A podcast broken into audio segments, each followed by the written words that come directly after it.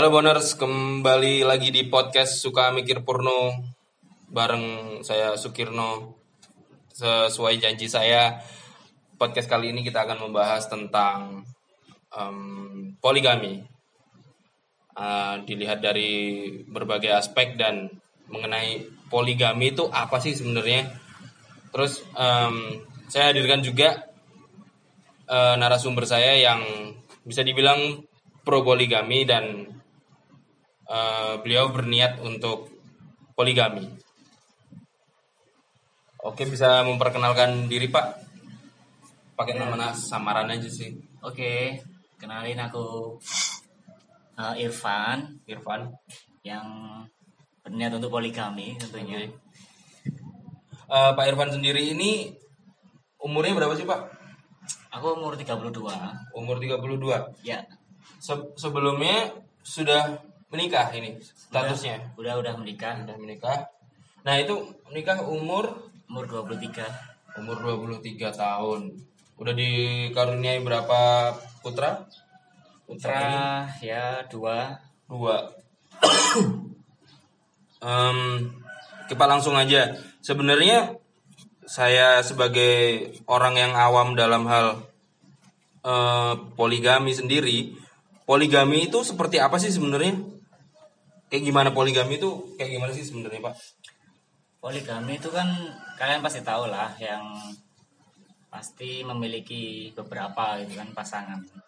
Nah, poligami itu sebenarnya em, lebih kalau menurut saya ya, ini lebih kayak kita bertanggung jawab atas eh, kita yang memikul tanggung jawab mereka gitu. Misalkan kita punya dua atau tiga atau empat kalau di agama kita kan muslim itu kan empat kan ya nah itu nah lebih kayak ke tanggung jawab kita untuk apa istilahnya menanggung semua apa yang apa yang nantinya kita perbuat gitu dan kita semua maksudnya kayak gitulah Eh, gini misalnya di dalam Islam sendiri kita ngomongin Islam karena eh, poligami itu dari dari Islam tanda kutip maksudnya. Nah itu ada aturan-aturan tersendiri nggak sih Pak? Kayak yang boleh di poligami itu seperti apa? Dari umurnya berapa gitu mungkin? Nah, jadi kita kembali lagi ya poligami itu sebenarnya awalnya kan eh, kita balik ke pas zamannya di Arab itu dulu itu di Arab itu eh, istri itu unlimited gitu. Ya benar. benar Tapi dengan datangnya Islam kita dibat lebih dibatasi gitu loh. Justru le- harusnya dikurangi istri itu dari yang unlimited jadi ya maksimal empat lah. Apa, Oh. Atau kalau misalkan kamu nggak mampu untuk adil, karena adil itu kan macam-macam dari banyak sisi gitu kan. Ya udah satu aja gitu. Malah itu lebih baik karena adil itu nantinya dituntut gitu loh. Ketika kita di hari penghakiman istilahnya nanti kita udah meni- eh, meninggal kan pasti ada hari penghakiman itu kan. pasti. Nah itu kita ada ditanyain semua apakah kita sudah adil gitu, ke kepada ke istri-istri kita kayak gitu lah. Nah eh, apa syarat-syaratnya sendiri untuk jadi ap- siapa yang dipoligami itu nggak ada sih. Lebih ke yang pertama ya tujuan kamu dulu poligami itu apa? Misalkan untuk kan banyak kan ada beberapa yang poligami itu karena mungkin ingin punya anak. Untuk istri yang pertama mungkin belum punya anak belum Oh, dikaruniai oke. anak. Atau anaknya kalau di, secara medis memang istrinya mungkin tidak bisa ngasih Mengkaruniai, anak keturunan. Oke. Nah, ada yang merelakan suaminya untuk berpoligami bahkan dicarikan eh, pendamping baru gitu sang istrinya mencarikan. Nah itu lebih baik kayak gitu. Maksudnya lebih terbuka. Kalau misalkan kita mau poligami tapi tidak izin sama suami istri itu maksudnya kayak ya nggak pasti ada nanti endingnya itu nggak enak gitu loh. Mending kita ngomong ke istri kita kayak gitu. Terus dari dari range umur itu yang yang bisa tanda kutip di poligami itu umur berapa? Uh, terus sama syaratnya yang untuk dari pihak wanita itu harus janda kah? Atau perawan kah? Atau seperti apa? Ada aturan tersendiri nggak sih untuk untuk poligami itu? yang lebih baik untuk poligami itu sebenarnya untuk yang janda gitu. Hmm. tapi sudah tidak memiliki pasangan. Misalkan udah cerai sama suaminya Suaminya. itu itu lebih baik karena tanggung jawab kita itu untuk menafkahi dia itu lebih baik gitu. Tapi tidak ada batasan sih sebenarnya. Kalau misalkan perawan pun yang berumur yang balik maksudnya sudah balik. Kalau terlalu kecil yang belum balik kan nggak mungkin lah gitu pasti ada minimal dia udah balik balik gitu. Umur untuk umur mungkin ya di atas 17 lah pasti ya. Pasti umur di atas 17 17 kalau bahkan kalau misalkan janda yang sudah tua kalau misalkan kita punya hasrat ya nggak apa-apa. Kalau misalkan nggak punya hasrat ya sudah berarti tujuan kita hanya untuk menafkahi beliaunya kayak gitu Tapi sebenarnya yang di garis bawah itu sebenarnya hasrat ini tadi ataukah hanya ya pengen menafkahi? nah hasrat itu kan ada dua. Hasrat untuk menafkahi juga hasrat.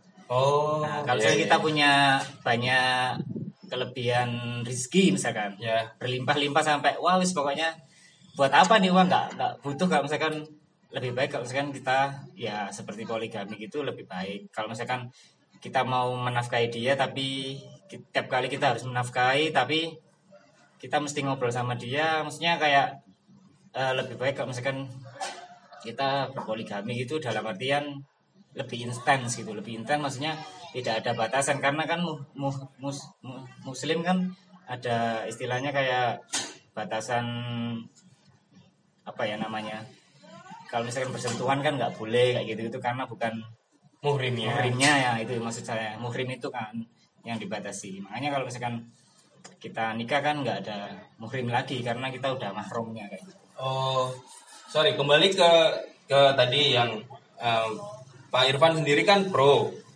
dan ungkapan yang pertama Bapak sampaikan adalah karena belum memiliki anak yang di garis bawahi yang paling penting tadi. ya Nah, tapi eh, Bapak sendiri sudah dikaruniai anak. Mm. Nah, kenapa kok pro dengan itu dengan poligami? ya jadi Dan Bapak berkeinginan untuk poligami. dasar poligami yang kenapa saya pro dengan poligami karena menurut saya pro- poligami itu bagusnya dia membatasi tentang hubungan gitu loh maksudnya hubungan yang lebih eh, secara Islam itu lebih baik gitu kalau misalkan kita punya hubungan lain di luar itu misalkan kita mau menafkahi seseorang kita maksudnya punya Punya kural gitu maksudnya, Pak? Ah, ya itu bisa kita nikahin gitu loh daripada kita mesti nyewa tiap kali nyewa. Ya, ya tapi kan kalau saya nih Pak lagi pengen beli sate kambing misalnya, Iya, iya. daripada saya harus eh, ngerawat kambingnya kan mending beli satenya Pak. Ah iya, ya ini kalau sate ya. Sebenarnya kan ini tentang kayak ya ada hukumnya gitu loh. Oh, ada gitu. hukumnya. Lebih ke hukumnya sih. Maksudnya kalau kita muslim kan kita ngikutin ya Al-Qur'an dan sunnahnya gitu kan. Sesuai Nah. dengan hukumnya gitu.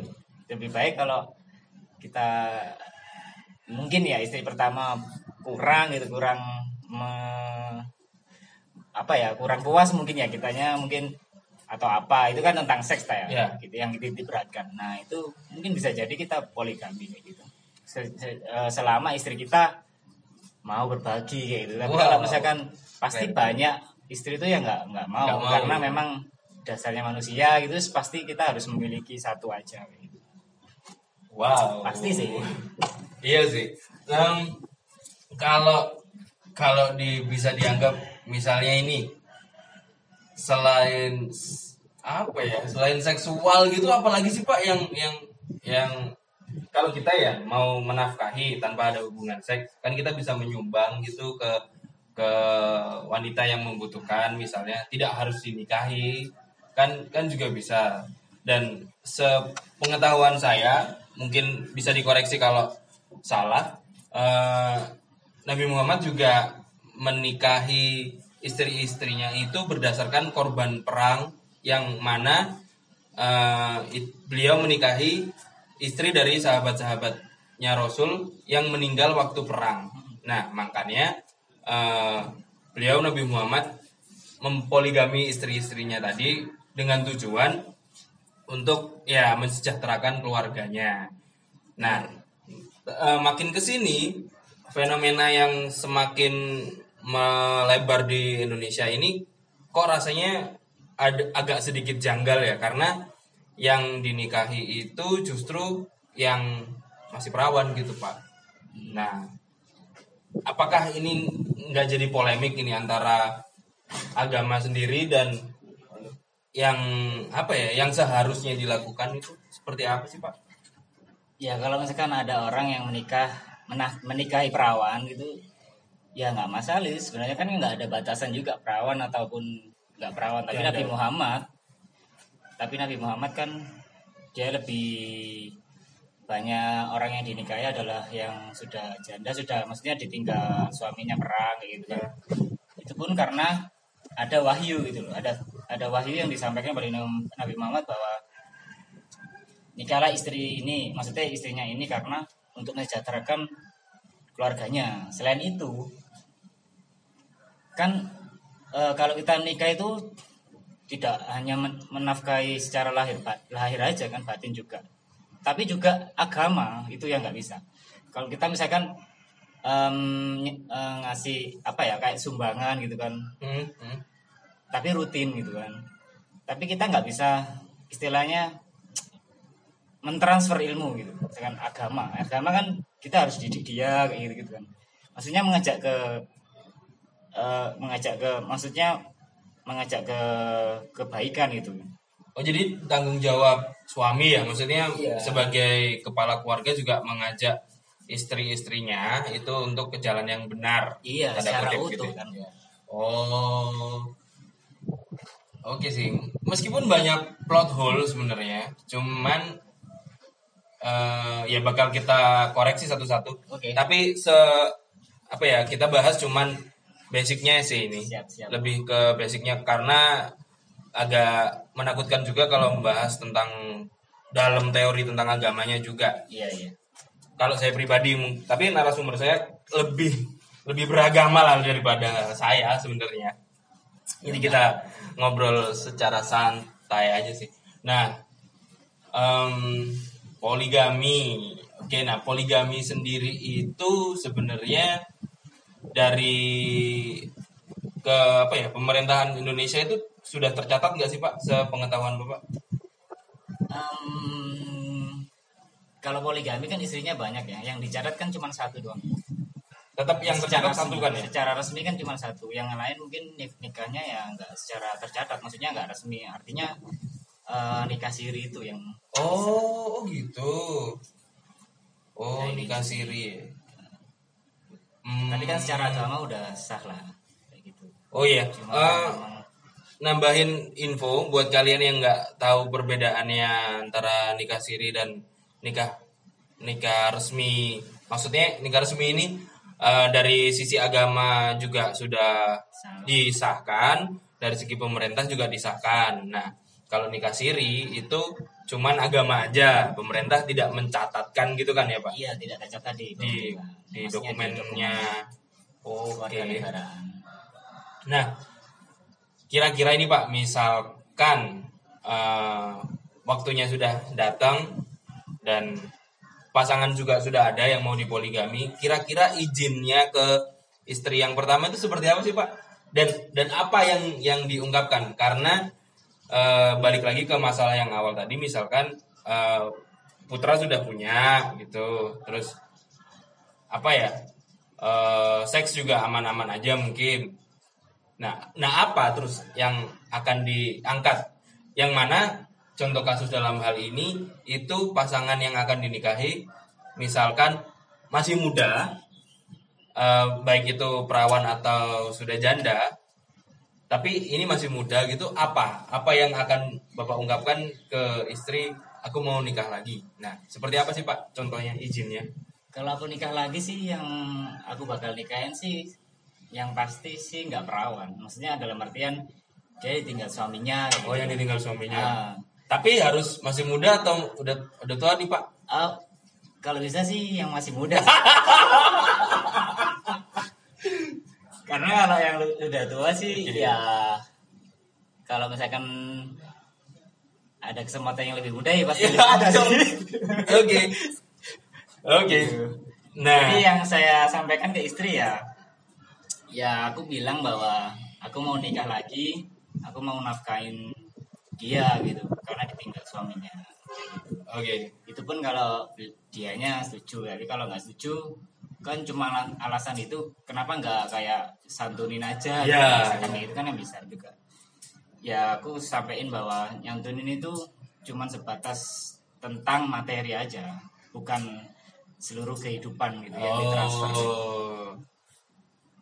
Maksudnya kebutuhan roh eh, apa ya? kebutuhan materi aja kan Ya, materi dan rohaninya belum gitu kan rohaninya ini. belum sama juga ilmu tadi yang aku bilang transfer tadi Oh. Dalam artian kita kan kalau misalkan kita jadi suami istri kan bisa kayak transfer ke knowledge apa pun yang kita bela- eh, ingin pelajari bareng-bareng semuanya ya bisa Hmm. pasti- pasti bisa gitu tanpa ada orang yang bilang bahwa eh, itu bukan mahramnya loh kayak gitu Hmm, hmm, hmm. Nah, kayak gitu sih lebih kayak gitu. tapi kalau misalkan istrinya nggak setuju ya, ya sudah dalam artinya ya pasti ya aku nggak bisa tapi kalau misalkan istri setuju aku sampai sampaikan beberapa hal itu dia mau ya oke lanjut. Nah, misal misalkan ini eh, dari pihak istri yang pertama itu mengasih syarat gitu, gimana Pak? syarat untuk apa ini? Contohnya Misalnya saya kamu boleh berpoligami lagi, tapi ada satu syarat atau ada beberapa syarat misalkan eh, masalah bagi waktu, terus masalah harta dan segala macamnya gitu, apakah eh, konsekuensinya itu bakalan bapak terima? aku terima selama tidak memberatkan salah satu atau mengurangi timbangan itu. Maksudnya dalam artian adil yang sesungguhnya. Nggak maksudnya ada ya kan kadang kan adil dalam persepsi orang A sama persepsi orang B kan Hmm, beda Nah itu, Nah, kita harus menyamain adil dalam artian tidak hanya dari aku tok atau dia tok atau orang yang yang akan aku nikahi, tapi kita harus jadiin satu itu, maksudnya kesepakatan. Adil yang disepakati bareng. Nah, misalkan ini, ambillah contoh dari eh, penghasilan atau dari rezeki yang berupa gaji misalkan. Nah, Eh, istri pertama, oke setuju kamu nggak apa-apa gitu poligami, tapi eh, jumlah besaran gaji yang untuk istri pertama itu lebih besar daripada istri yang kedua gitu karena istri pertama merasakan aku harus berkorban hati ini untuk yang kedua gitu. Apakah itu masih bisa bapak terima gitu? Nah, konsep keadilan itu tidak hanya tentang hati doang sih. Jadi lebih kayak misalkan aku ngasih istri yang pertama ini 70%, 70%. istri kedua 30%. Tapi dia punya anak banyak. Kan berarti kan dia nggak cukup untuk menafkahi anak-anaknya dong. Oh, ya. Harus based on per kepala dong kalau kayak gitu. Mas kan oh anak anak sing eh, istri yang kedua ini punya anak tiga istri, istri yang pertama dua. Dua. berarti kan harusnya secara adil Iya, secara menafkahan itu harusnya lebih banyak istri yang kedua kayak gitu Oh. meskipun kamu berkorban tentang hati ya kalau udah kamu oke berarti kamu harus ikhlas gitu loh nggak nggak nggak nggak nggak boleh kayak harus disebut aku tuh udah berkorban loh ya Oh. Korban Oh gitu ya? Memang kamu berkorban tapi kan ini untuk kebaikan bersama. Kalau misalkan kamu harus lebih banyak terus dia ternyata nggak cukup apakah aku nanti di hadapan Tuhan di- dilihatnya nggak adil terus gimana? Gitu.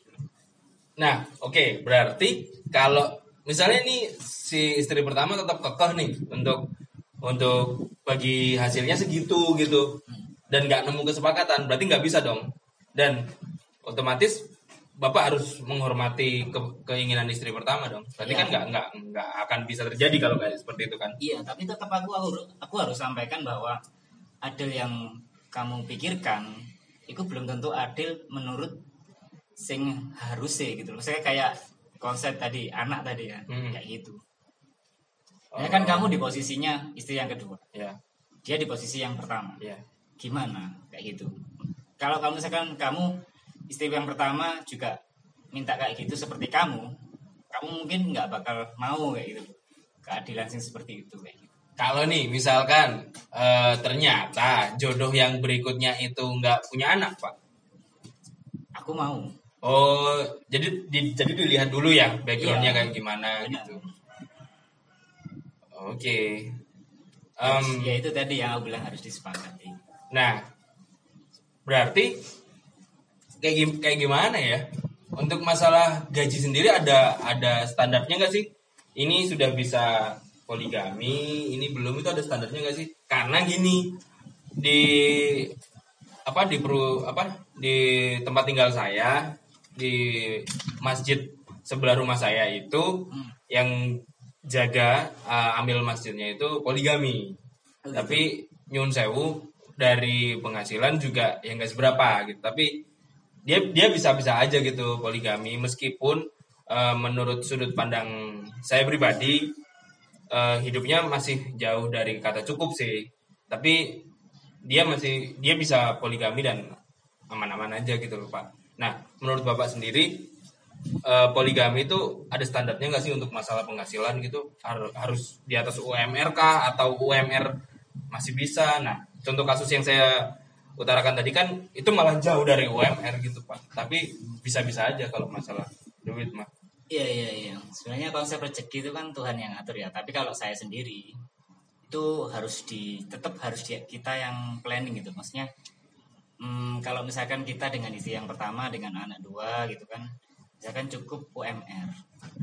Tapi karena aku mungkin pengen nikah lagi, tapi tetap dengan UMR yang sama. Itu kan kayak kayak kita itu mengurangi Mengurangi kan pastinya. mengurangi Nah, pada pada akhirnya kan. ya. Nah, ada beberapa hal yang misalkan istri pertama mau tetap mau, maksudnya tetap bisa untuk poligami, ya kita nggak. Sekarang ada yang aku nggak mau barengan sama istri yang pertama, ya istri Iya, yang kedua gitu. iya. kan. Ya udah pisah berarti kan. Tapi kan nggak mungkin dengan UMR kan. Ya, Kalau kayak gitu, ya berarti harus barengan mau nggak mau. Maksudnya hidupnya bareng dan harus di, Wow. harus di juga dihitung juga sama istri yang pertama bahwa ini loh yang gajimu. Kalau misalkan kamu mau nikah lagi dengan anak tiga istri Ya. yang tadi, Ah, nah berarti kita harus pengeluaran kita sehari-hari itu nambah dong. Heeh, harus harus kamu harus punya pemasukan lebih gitu nggak mungkin kan kita hanya berpangku tangan itu ya udahlah kita terima aja kayak gitu ya pasti dia pasti aku akan berkurang tapi aku harus ikhlas itu kan yang rugi tekor banyak kan dia kan Susah ya. iya pasti dia pasti dia ya ba- banyak nggak maunya karena kita harus ek- ekstra gitu kalau kita mau Hmm. ekstra oke kamu harus ekstra ya kerjanya kamu nggak tahu nggak tahu ya apa gimana, Gimana caranya? kamu freelance kah atau kamu dari setelah kerja itu jualan apa kayak Iya. apa yang penting semuanya kecukupan dan target kita misalkan minimal nih berapa dua kali UMR misalkan Iya. atau eh, dua satu kali setengah UMR misalkan ada hitungannya kan ya nggak apa-apa gitu dia mau ya oke jalan. Wow, ribet ya. Intinya komunikasi sih pak Komunikasi ya. Tapi sampai detik ini saya juga masih masih rancu sih sebenarnya. Eh, karena karena gini loh, eh, Islam menurunkan eh, bukan perintah ya, Pak, kayak anjuran sih lebih. Aku Iya. melihatnya untuk contoh kasus poligami di Islam sendiri itu lebih ke anjuran bukan perintah sebenarnya. Eh, karena saat itu di Arab sendiri istrinya unlimited. Iya. Balik lagi ini ke yang awal. Nah, terus eh, harusnya i- karena Islam itu rahmatan lil alamin yang istilahnya itu bisa merahmati seluruh manusia di bumi ini. Dan secara otomatis kalau kasat mata kita lihat bahwa Islam itu bakal bisa diterima di semua zaman pastinya kan. Nah, saat eh, ada anjuran itu turun itu kan di Arab sendiri perang terus dengan kondisi yang apa ya eh, istri yang unlimited gitu. Sedangkan kalau di Indonesia sendiri eh iya alhamdulillahnya karena kita sudah merdeka nggak ada perang-perang lagi gitu. Kita bisa hidup bisa bilang sejahtera lah nggak ada masalah. Nah terus apa yang paling mendasari lagi untuk berpoligami itu loh pak? Karena kalau dilihat dari jumlah perbandingan pun kita nggak beda-beda jauh sih sama sama wanita gitu yang cowok maksudnya. Karena ada yang bilang eh, cewek lebih banyak ini daripada cowok. Nah se- sebenarnya kalau dilihat dari sensus ya nggak juga gitu loh. Nggak perbandingannya nggak seberapa jauh. Nah terus apa yang menjadi dasar ini yang aku aku bingung untuk ya aku aku pro lah poligami. Nah dilihat lagi eh, menurut pengamatan saya pribadi sih sebenarnya eh, koreksi kalau saya salah Siap. itu yang yang dinikahi itu rata-rata lebih muda gitu pak. Lebih muda dari istri yang pertama dan rata-rata lebih cantik.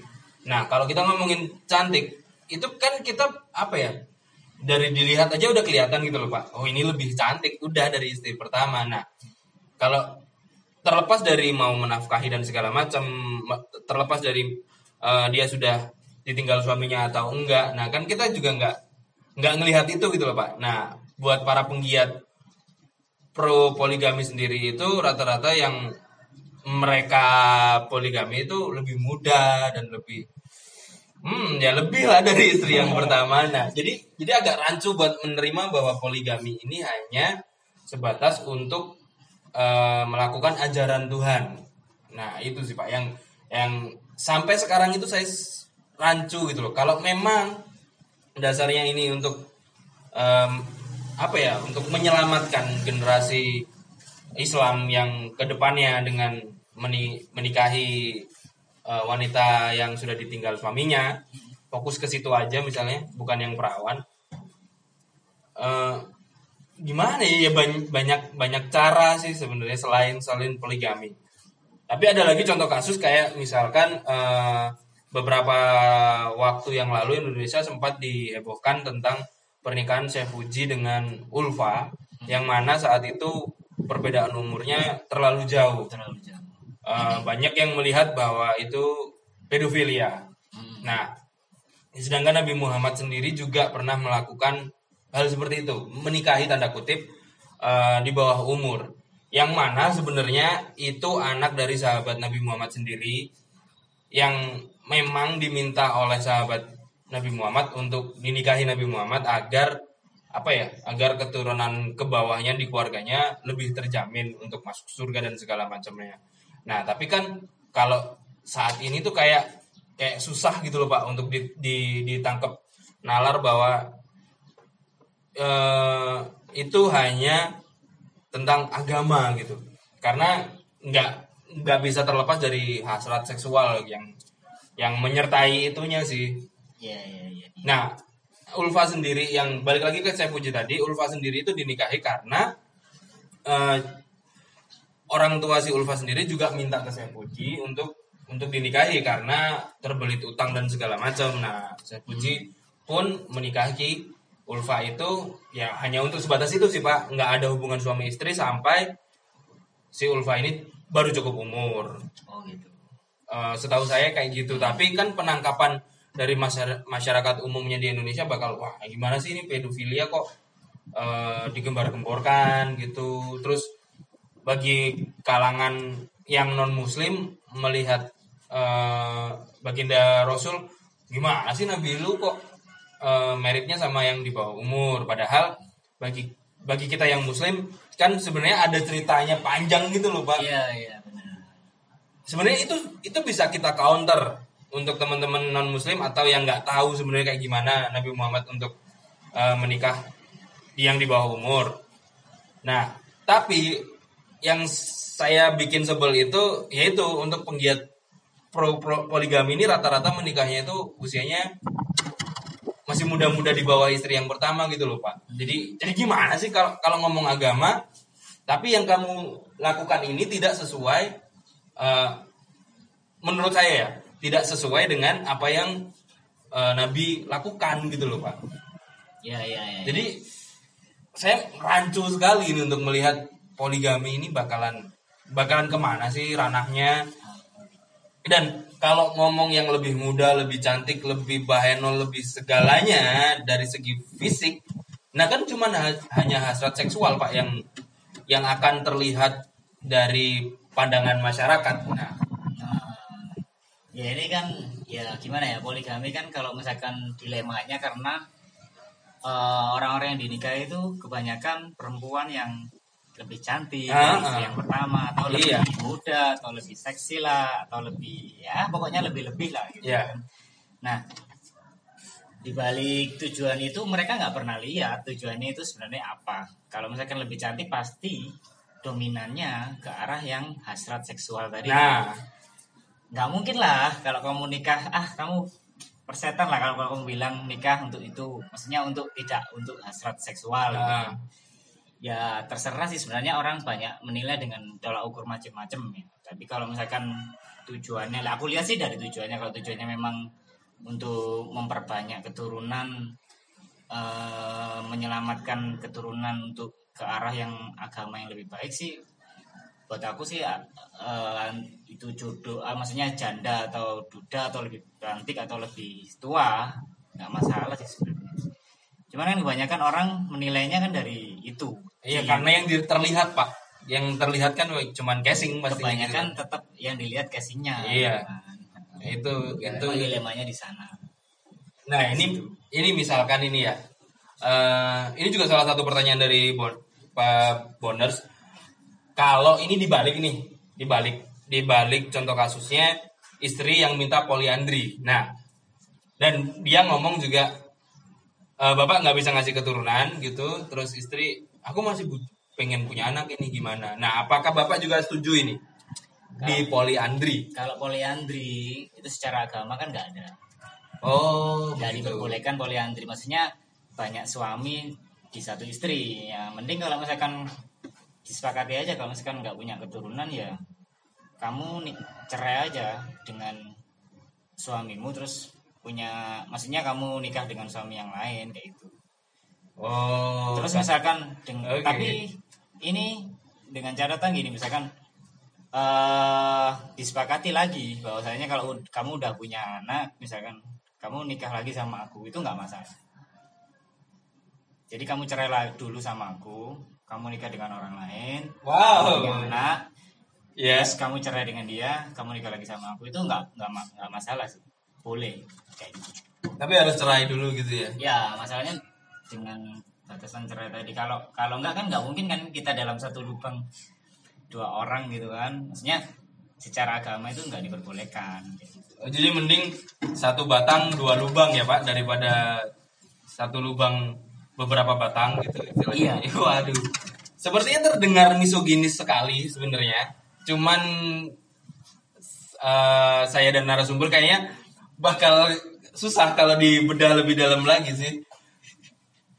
Iya. Saya juga semakin merasakan wow ternyata nggak bisa berlaku adil untuk sebaliknya karena tidak ada anjuran agama dan segala macam yang dilihat dari konteks mana pun eh, poliandri itu juga apa ya ya nggak dianjurkan sama sekali. Iya sama satu lagi gini aku lupa.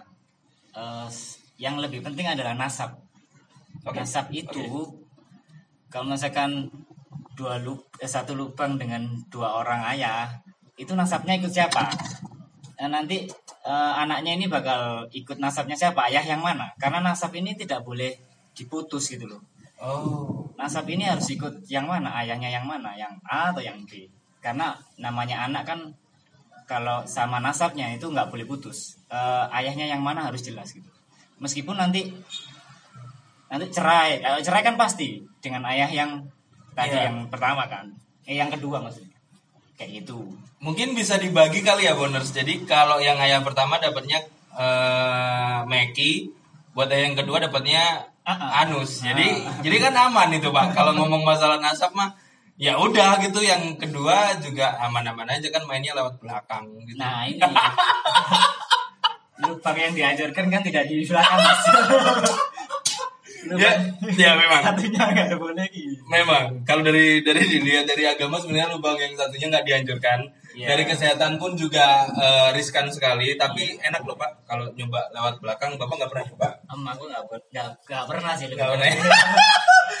saya sarankan nyoba deh pak kapan-kapan karena saya sudah nyoba bonus dan ya ya enak ya itu karena nggak ada nggak ada tuntunan juga dari belakang karena nggak dianjurkan nggak diperbolehkan sih lebih tepatnya makanya aku Oh, nggak iya. nggak ngikutin Oke, oke, oke. Nah, eh, apa ya? Mungkin untuk pertanyaan seriusnya sudah sampai di situ aja. Kita masuk ke pertanyaan dari eh, kalian boners yang kemarin sudah kirim yang perlu ditanyakan. Ini goblok nih mas pertanyaannya polinema atau poligami ya goblok kan ini. Nah kalau poligami kontol dibagi dua juga nggak pak? Maksudnya gimana ber- berlaku adilnya ini pak? Ini ini juga menjawab pertanyaan-pertanyaan konyol yang lainnya. Eh, gimana sih untuk misalkan ini bapak udah ber- berpoligami, terus kita fokus aja ke masalah seksualnya. Ya. Nah, gimana cara membaginya ini pak? Ataukah hari ataukah atau seperti apa? Ya biasanya dibagi hari sih. Kan tapi kan kadang ada satu hari tertentu di mana misalkan nih eh, istri yang pertama lagi mens gitu kan. Oke. Nah ini kan nggak mungkin kita masukin juga, maksudnya secara agama, secara medis juga nggak diperbolehkan Iya. karena ya itu banyak hal ya faktor. Nah Padahal ada blowjob loh guys. ya gitu kan, meskipun ini jatahnya untuk istri yang pertama Oke. seharusnya waktunya gitu kan. Ya udah kalau memang terbatas gitu nggak apa-apa. Itu kan eh, hari yang di apa ya Disepakati gitu misalnya. disepakati gitu kan ya udah perkecualian tuh hari-hari yang kayak gitu ya mau nggak mau kan kita mesti eh, ke istri yang kedua Nah, tapi kalau dua-duanya mens ini Nah, tetap, itu. tetap ngikutin sesuai dengan Rundown-nya ya. Iya, misalkan Senin sampai Oke. atau Oke. Senin sampai Kemis di istri Oke. pertama Ah. atau diselang-seling nih istri yang Ya. pertama istri kedua istri kedua. terserah deh itu kak sesuai dengan kesepakatan aja sih sebenarnya Oke. Tapi Nah, tetap harus dibagi nih ya, nggak boleh salah satu. Maksudnya nggak boleh nggak adil. nggak boleh nggak adil. Oke. Nah, ini ada pertanyaan berikutnya. Kenapa milih poligami? Apakah istri pertama kurang memuaskan? Apa cuman mau trisam? Nah, dari sudut pandang bapak sendiri, saat poligami itu bisa nggak sih kita ngewek bareng-bareng gitu? Misalkan sampai empat ya, ini ya, anggap aja secara secara kasar eh, dari agama ngomongnya empat ini. Nah, Ah, kita iya. bisa foursome dong. Apakah seperti itu cara mainnya menurut sudut pandang bapak sendiri? Ya, kalau aku menurut aku sih tetap gantian ya, nggak mungkin langsung cabang empat gitu langsung masuk bareng gitu kan. Oh. Jadi tetap gantian meskipun dalam satu waktu yang sama gitu. Maksudnya bisa dalam satu kamar yang sama, misalkan mau ya misalkan kit- mereka mau berbagi dalam satu waktu ya nggak masalah. Wow. Selama kita kuat gitu kan. Oke. kembali ke diri suaminya suaminya kuat nggak dalam satu waktu satu malam gitu Jadi jadi nggak ada aturan ya, Pak ya? Jadi aturan. jadi boleh-boleh aja berarti kan? sama dengan lubang yang di depan kalau yang belakang kan jelas kan Oke, sama kan nggak oke. bisa gitu. Ya, wow. Wow. Oke. kalau istri yang pertama kurang memuaskan Nah, ya apakah istri pertama? bisa jadi istri yang pertama kurang memuaskan kan itu bisa disampaikan juga ke istri misalkan aku nggak bisa memu- memuasin kamu misalkan kamu mintanya harus 10 ronde gitu kan Ah. istrinya cuman aku nggak kuat dua aja udah udah nggak kuat aku misalkan Oh. ya udah eh, sang istri mau berbagi dengan istri yang lain ya nggak masalah kan berarti dalam artian itu bisa menjawab juga istrinya kurang, pertama kurang memuaskan bukan berarti kurang memuaskan tapi kurang tenaga mungkin ya Oh, untuk melanjutkan- melayani. untuk melayani ya. kalau puas sih pasti puas ah, goblok. Oke. Nah, misalkan ini Pak, ini ada pertanyaan berikutnya dari Boners. Tidur sekamar bertiga gimana ya? Asik kali ya? Nah, nah, nah ini memungkinkan nggak sih Pak? Misalkan nih, eh dari, dilihat dari UMR tadi, ternyata tidak mencukupi. Tapi keinginan itu eh, hasratnya gede banget dan istri pertama mengizinkan. Heeh. Akhirnya tinggal serumah nih. Heeh. Nah, kalau jadi bapak, misalkan seperti itu contoh kasusnya, apakah kalian akan tidur bertiga ataukah beda-beda ini kamarnya? ya tidur bareng aja kenapa enggak kan anggapannya kayak istri yang pertama dan istri kedua itu saudara gitu kan ya Oke. jadi wow. kita bisa aja Oh, gitu kan iya, iya, kan iya, lebih iya, asik iya. ya daripada ya harus beda kamar gitu beda kan. kamar ya. Oke. Nah, ini poligami mandi wajib seminggu berapa kali ya kira-kira? ah kalau mandi wajib poligami ya bisa se- sehari sekali atau bahkan sehari bisa tiga kali ya kita ya mungkin tergantung Oke. kita loh ya bener Ya tergantung, tergantung dari pihak suami sih, guys. iya Oke. Ini si- sistem jadwal atau sistem undian itu. Jadwal sih lebih Jadwal ya? lebih bagus jadwal di jadwal kalau undian ya boleh kalau mau mau main-main undian mungkin di bulan yang berikutnya mau main undian nggak iya. masalah. kan biar nggak monoton ya Nah ini ini nih mbak, misalkan ya contoh kasusnya ini ini menarik banget ini pertanyaannya. Hasad trisam anjing atau istri yang eh, ada hasrat lesbi. Jadi maksudnya kalau dibalik ini ternyata, ayo kamu poligami dong. Karena ternyata si pihak istri itu ACDC gitu pak. Ayo gimana itu pak? Gimana? agak susah nih ya kalau Ayo.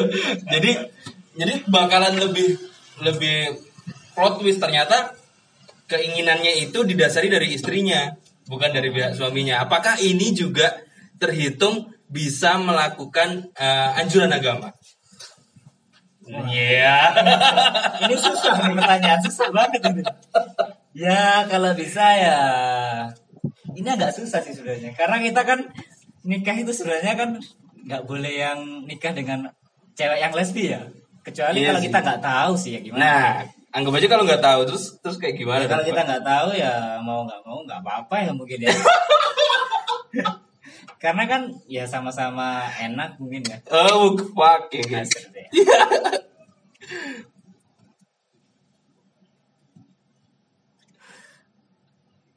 Tapi susah juga ya kan Aneh kan? iya aneh aja Ya, Maksudnya, ya banyak gitu loh mendas yang yang istrinya yang aku kamu harus poligami nih gitu Ah, kan dia punya hasrat lesbi kita eh, ini ini agak dalam. hmm.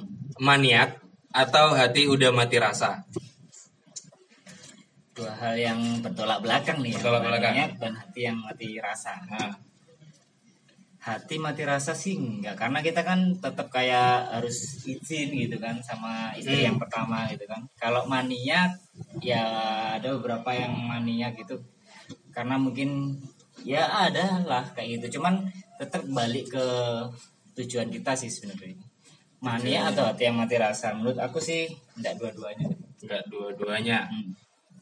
Nah, ini ada salah satu testimoni nih. Poligami bangsat, broken home gara-gara bapak gue gitu anjing. Nah, nah ini ini dari sudut pandang anak nih Pak. Ternyata eh, poligami itu ternyata nggak bagus-bagus amat Iya, buat iya, iya. keluarga karena ini eh, dari Bonders juga ngung- ngungkapin kalau itu juga membuat dia akhirnya broken home gitu. oke oke oke Apakah Bapak juga sampai memikirkan ke situ? Iya ya, jadi poligami itu harus dipikirkan sampai uh, keturunannya gitu. Hmm. Hmm. Jadi kalau kita punya ke- keinginan untuk poligami, kalau bisa itu jangan sampai cerai gitu lah, kayak gitu sih. Jangan Jadi- sampai cerai. Iya, karena kalau misalkan itu nggak disepakati, terus dipaksain untuk poligami, kan takutnya nanti anaknya kayak gitu kan. Jadi merasa kayak lu nggak, lu mikir diri lu sendiri kayak gitu. Iya. Kamu mikir diri kamu sendiri, nggak mikirin kayak aku sebagai anaknya. Gitu. Heeh. Nah itu harusnya kita harus adil sih. Dalam artian kalau misalkan kita mau poligami ya harus disepakati bareng. Kita nggak bisa, kita kalau bisa nggak nggak cerai. Jangan sampai cerai. Oke, mungkin mungkin mungkin memang mungkin untuk eh, kasusnya memang nggak sampai cerai, tapi eh, mengakibatkan waktu bermain anak kurang ini Pak. Nah itu kan susah. Kalau kalau istri mah gampang bisa ngaturnya. Nah kalau anak ini Pak kayak gimana? Ya makanya itu kalau anjuran aku sih sebenarnya kalau poligami itu mending Nah, satu atap. satu atap. Jadi bisa Karena bisa bisa kita ketemu bareng kan dengan anak kita semuanya gitu. Iya. Jadi saudara kan. Oke. Itu lebih indah sih menurut aku. Tapi kalau misalkan nggak bisa ya nggak apa-apa. Tapi kita harus bagi benar-benar bagi waktu itu untuk anak. Nah, next pertanyaannya bahas berbagai aspek soal party pas having sex. Apakah bisa foursome? Tadi udah kejawab ya, Boners. Terus perspektif agama, kesehatan, psikologi dan sosial. Nah, ini maksudnya tadi agama juga eh, lebih bukan tuntunan. Ah, maksudnya sorry sorry, bu- bukan perintah, tapi hanya anjuran. Dari segi kesehatan juga ya gimana ya ya pasti cari yang bersih lah untuk Iya. ya di dites dulu gitu kali ya ke dicek lab Iya. nah dari psikologis tadi ya itu tergantung dari pihak orang tuanya bisa berlaku adil atau enggak karena itu sangat eh, berimbas ke psikologi baik itu istri atau anak. Nah, kalau dari sosial, Pak, Sosial ini gimana? Maksudnya dari pandangan tetangga. Nah, kan pilihannya kalau di internet yang kayak kontol itu netizen, kalau di hidup bermasyarakat yang kontol tetangga biasanya, Pak. Iya. Ya memang kadang tetangga ini eh, banyak menilai negatif lah poligami gitu. Nah, Tapi selama kita bisa apa ya bertetangga dengan baik, kita sering ngobrol dengan tetangga, maksudnya dalam artian kenapa sih aku poligami? Apa sih yang landasan dasarnya gitu? Kita sampaikan gitu. Lama-kelamaan kan mereka pasti tahu. Maksudnya sadar bahwa nggak selamanya itu poligami dianggap hal yang negatif. negatif. Ada yang tanya, Lang, caranya minta izin poligami gimana? Nah, tadi di awal-awal udah dibahas, kita bahas tentang apa sih yang menyebabkan eh, suami harus berpoligami dan cara ngomongnya juga tadi udah kita bahas sih di awal. Oke. Ah, ini ada testimoni lagi di balik poligami ada hati yang tersakiti. Korban hashtag korban poligami, korban keluarga yang poligami. Tadi barusan juga kita udah bahas. Nah, nggak ribet, mertua jadi nambah. Kan kita juga nggak bisa menutup mata bahwa kalau kita menikahi seorang istri yang mana orang tuanya juga masih sehat, otomatis kan ada dua, ada dua orang lagi yang jadi orang tua kita gitu pak. Iya iya iya. Jadi kalau misalnya istrinya dua, otomatis kan orang tuanya jadi enam, gitu, Pak. Orang tuanya jadi enam ya. Iya. Nah, terus kalau menurut Bapak sendiri harus izin juga kah minta ke orang tua yang yang baru itu? Hmm, izin kalau bisa izin izin sih. Tapi kalau nggak bisa izin, maksudnya nggak usah izin pun nggak masalah sebenarnya. Oh, gitu Karena ya? yang menikah kan nanti tetap kita dan pasangan kita gitu. Selama pasangan Oh, kita Oke. punya eh, punya kemauan, terus punya dasar yang baik, punya keinginan, sama-sama bisa dijalani dengan baik kayak gitu. Eh, nggak perlu sih seharusnya harus eh, ke orang tua gitu. Toh nanti suatu saat pasti orang tua pasti paham dengan apa yang dilakukan selama itu positif. gitu. Oke. Karena nggak selamanya neg- negatif poligami itu. Kalau tujuannya untuk untuk apa dulu gitu. Oke. Ah, ini lanjut ke pertanyaan. Kalau poligami, terus istri yang satunya lagi buat di rental, dosa nggak bib? Nah ini, ini goblok sih ya, ini nggak usah dijawab ini ya, ini nggak usah dijawab ya bangsat. Ini ot- ini otak bisnis lebih besar daripada panasnya api neraka ini yang nanya goblok. Nah, terus lanjut ke pertanyaan anggota DPR yang poligami tunjangan istrinya dapat sesuai jumlah atau cuma satu. Nah, tadi udah dibahas di awal pernikahan yang diakui pem- pemerintah Indonesia hanya satu istri. Jadi secara apa ya dokumen pasti yang dapat jatah dan segala macamnya tunjangan dan bla bla bla ke belakangnya cuma satu istri. Dan itu istri yang tertua. Bikin grup lain. Iya ini masih lagi mikir. Enakan poligami apa politron enakan poligon nah ini narasum ini ada pertanyaan ini narasumber lu pelaku apa korban nah untuk kali ini eh, narasumber saya Pak Irfan ini bisa dibilang eh, yang pro poligami dan calon pelaku sebenarnya Bon Nah ini ada pertanyaan juga, emang di Islam boleh ya trisam walaupun dah poligami? Tadi kayak kita udah jawab, Udah jawab sih. kita udah jawab di pertengahan tadi. Ada narasumber poliandri juga nggak lang? Nah kalau poliandri tadi karena dari segi agama nggak diperbolehkan dan dari segi pemerintah juga apalagi kayaknya kayaknya nggak ada yang apa ya bakalan apa ya eh, eh, yang pro dan mengizinkan gitu untuk untuk poliandri. Tapi tapi coba kalian baca artikel Vice tentang poliandri pengalaman hidup di keluarga poliandri kayaknya itu mungkin bisa menjawab pertanyaan kalian sih. Eh, udah udah itu aja. Ntar saya cari lagi pertanyaannya. Banyak sekali ya yang banyak pak. Karena banyak eh, apa ya banyak plot hole yang sebenarnya masuk di di pikiran kayak gimana sih poligami itu sebenarnya di Indonesia ya yang seperti yang saya ungkapkan tadi sih.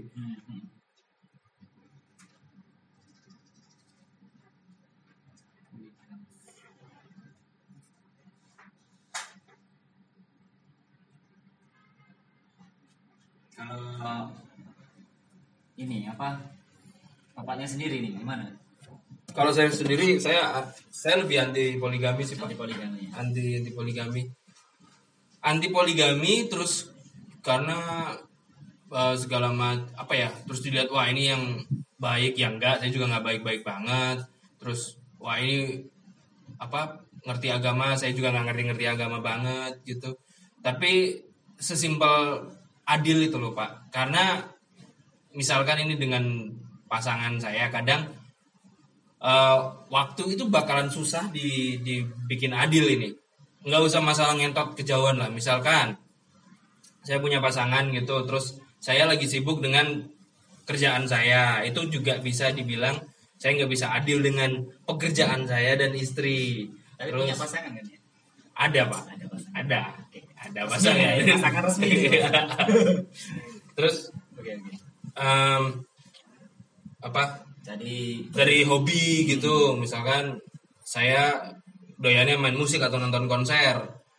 Terus pasangan misalkan nggak lagi nggak mau nemenin. Nah kan ini susah sebenarnya pak. Hmm. saya masih rancu tentang pembagian keadilan, itu Keadilan. sendiri. karena saya nggak saya nggak apa ya nggak berpoligami pun saya membagi waktunya aja juga susah gitu.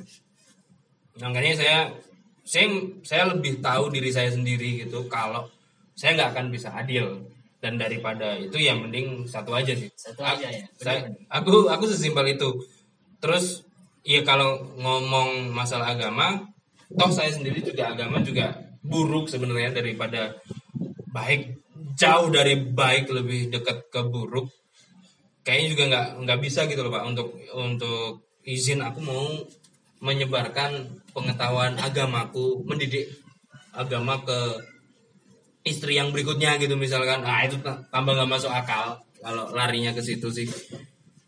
Jadi ya ya itu di samping lagi juga saya melihat eh, orang-orang yang pro dan eh, paling keras bersuara tentang poligami itu tidak seperti yang saya inginkan tanda kutip.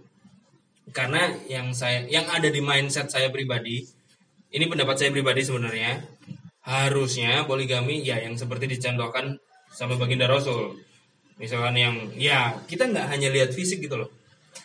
Yang diutamakan yaitu latar belakangnya yang diutamakan. Nah karena latar belakangnya yang diutamakan nah seksual ya kamu mau nggak mau ya itu yang diterima. Dapatnya ya itu gitu. Kalau yang dapatnya memang lebih mudah ya ya itu bonus misalkan ya. Tapi tapi bagi saya itu yang diutamakan ya backgroundnya. Nah yang ada di Indonesia justru eh, menurut pendapat saya pribadi dan sepengetahuan saya itu nggak sesuai terbalik gitu. Iya terbalik justru ya Fisik dulu. mm-mm, lebih banyak fisiknya yang yang dilihat gitu Daripada latar belakangnya. meskipun mungkin latar belakangnya sesuai kan tapi kan manusia itu selalu melihat uh, fisiknya karena itu yang paling paling gampang untuk dikomentari di awal daripada harus uh, cek and recheck ke belakangnya kayak gimana historinya dan segala macam Tapi misalkan bapak nih suatu saat nemu Mm, bahkan banyak mungkin poligami yang dia latar belakangnya nggak tentang fisik doang. Hmm. Jadi kalau kamu lihat, kalau bapak lihat di si istrinya itu nggak ada yang cantik memang, Hmm. ada yang muda, juga ada yang tua. Gitu. nah Karena dilihat dari backgroundnya. backgroundnya nah saya harap itu yang lebih vokal itu yang lebih vokal. harusnya itu yang lebih vokal karena ya gimana ya kalau menurut saya pribadi kalau beragama itu kan eh, istilahnya kayak ya nahdlatul ulama gitu jadi kita kita manut apa yang kata ulama apa yang ulama sampaikan ya yang kita ngikutin gitu ke, Iya. ke belakangnya ke belakangnya ke belakangnya nah kalau memang ada yang sesuai dengan eh, apa ya yang bapak sampaikan tadi mungkin saya bakalan bisa berpikir dua kali intinya. Meskipun saya nggak akan melakukan tapi eh, sudut pandang saya bakalan bisa bergeser ini pak. Kalau memang ada yang seperti itu harusnya ya, ya harus lebih vokal sih.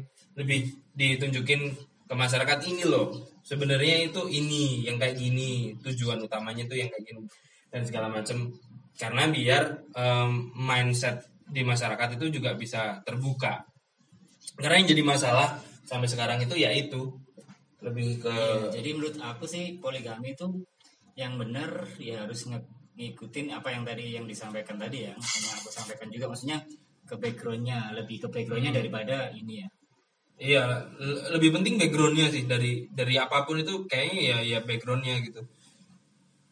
Karena kayak kalau kalau saya pribadi misalkan di- ditanyain milih milih pasangan gitu, saya lebih fokus ke dalamnya. Dalamnya ini bukan tete atau memek sih, tapi lebih ke hatinya gimana, terus eh, orang tuanya kayak gimana. Karena eh, fisik itu cuman bonus gitu loh pak. Kalau Iya, iya. kalau dari sudut pandang saya pribadi itu itu cuman bonus yang lainnya begitu jadi kalau misalkan bapaknya tadi bilang bahwa tidak pro karena melihat masyarakat di Indonesia itu masih tidak sesuai dengan apa yang harusnya di mindsetnya bapak kan tentang poligami Iya, se- sepengetahuan saya. diajarkan Rasulullah gitu. Iya. Dari para polygamers jadi para pelaku pelaku poligami itu itu sih. Masih belum eh, meyakinkan saya bahwa poligami itu tidak hanya urusan seksual karena dilihat juga Indonesia alhamdulillahnya sampai sekarang juga tidak ada peperangan yang mengakibatkan banyak janda. Meskipun kalau dilihat dari statistik sensus memang Indonesia juga banyak janda. Yang mana itu janda yang banyak memasuki usia yang tidak produktif lagi yang susah buat dapat pekerjaan. Tapi itu kenapa tidak digemborkan? Hmm.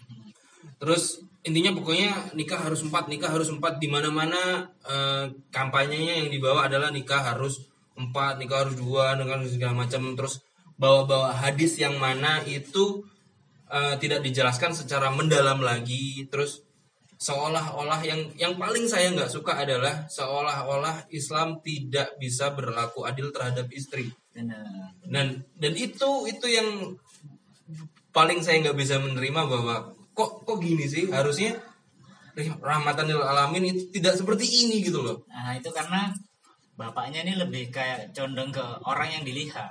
Sebenarnya tuntunan agamanya kan baik, cuman kadang orang sing pelakunya nih Iya. nggak semua sesuai dengan ajaran yang sebenarnya. nah nah kan tapi eh, kita belajarnya itu kan dari guru nih pak atau ya dari ulama kan simpelnya ya ngikut dong balik lagi masalah ngikut tadi iya, gitu. tapi tetap aja kayak ulama itu kan manusia juga. nah Ada orang yang rajin ibadah, cuman kadang endingnya jelek. Dalam artian waktu mau menikah, eh waktu mau eh, usianya udah mau, maksudnya waktu dicabut itu pas pas kondisinya jelek banget, lagi lagi ngelakuin zina lah apa kayak gitu. Kan Oh. banyak juga yang kayak gitu. Dalam Iya. artian tuh kembali ke keimanan masing-masing seseorang dan akidah yang dianut itu. Kalau sebesar apa sih? Tapi itu yang tahu memang Tuhan sih. ada yang tahu. dan susah Iya, Pak. banyak banyak banyak kesusahan kalau di- dilihat dari orangnya. Iya. Karena waduh ini dalam sih akhirnya kita ngomongin tentang agama karena menurut saya agama itu harus bisa diterima dari segi apa pun gitu dari segi logika dan dari segi religi itu bisa masuk dan bisa menjawab semua pertanyaan gitu dan eh, ya kebetulan karena saya Islam gitu yang saya pelajari cuman Islam meskipun beberapa juga tahu tentang ajaran yang lain tapi karena saya terlahir Islam dan saya fokusnya belajar tentang Islam gitu. Nah, Nggak mau pindah agama, Pak. eh, enggak pak, enggak. Karena jangan sampai kayak agama itu agama turunan, Pak. memang, cuman seperjalanan hidup saya, ya saya ju- juga mempelajari yang lain, gitu. mempelajari dalam artian ya kayak gimana sih Yang ya dibuka lah mindsetnya tuh dibuka kayak gimana menerima terus tidak tidak menutup eh, menutup diri dari pandangan yang lain gitu kita harus bisa menerima perbedaan karena negara pun juga mengatur hal itu Iya, iya. tapi ya untuk untuk saat ini ya saya tetap ya alhamdulillah ya muslim meskipun belum kafah secara secara bener gitu secara seluruhnya nah, yang keseluruhan. benar-benar yang benar ya, ya, ya. sama sih pak. Kita juga sama-sama belajar. Saya juga mungkin pasti sisi manusiawinya lebih banyak daripada kayak ke jalur vertikal ke Tuhan iya. Ya namanya di dunia pak. Ujiannya terberatnya kita kan di dunia. Ya memang sih. Meskipun ya hidup di sini cuman buat mampir. Iya sebenarnya cuma mampir. Kalau hitung hitungan akhirat kan kita cuma sebentar doang Pak. Bener. Wow bahasnya udah sejam ini dari tadi. Ya aku tahu sih memang mungkin banyak banyak pertanyaan dari kalian yang tidak terjawab gitu yang masih rancu masih kok gini sih? Kok eh, jadinya jatuhnya kok misoginis gitu? Kok banyak yang merugikan eh, pihak perempuannya dan segala macam Eh, saya mohon maaf kalau bahasanya belum bisa mendetail karena kita mengungkapkan apa yang da- yang kita dapat sih sebenarnya kan ya. Yang yang kita dapat kalau masih belum bisa menjawab eh, pertanyaan kalian boners eh, kami berdua mohon maaf. Tapi setidaknya eh, kalian bisa ambil intisari percakapan basic banget tentang poligami ini sih dan jangan asal judge orang lain jangan apa ya jangan langsung berpikir yang hal yang negatif tanpa tahu motif di belakangnya sebenarnya. Karena ya dalamnya hati manusia juga siapa yang tahu. Dan kadang kita lupa bahwa untuk urusan hati itu bukan untuk makhluk yang hidup di dunia. Karena urusan hati itu urusan dia yang menciptakan makhluk di dunia. Jadi kita nggak perlu menilai satu sama lain. Yang pasti tetap harus baik ke semua orang. Nggak usah dilihat dari agamanya nggak usah dilihat dari sukunya nggak usah dilihat dari strata sosialnya. Pokoknya harus baik semua semua orang berguna buat semua orang.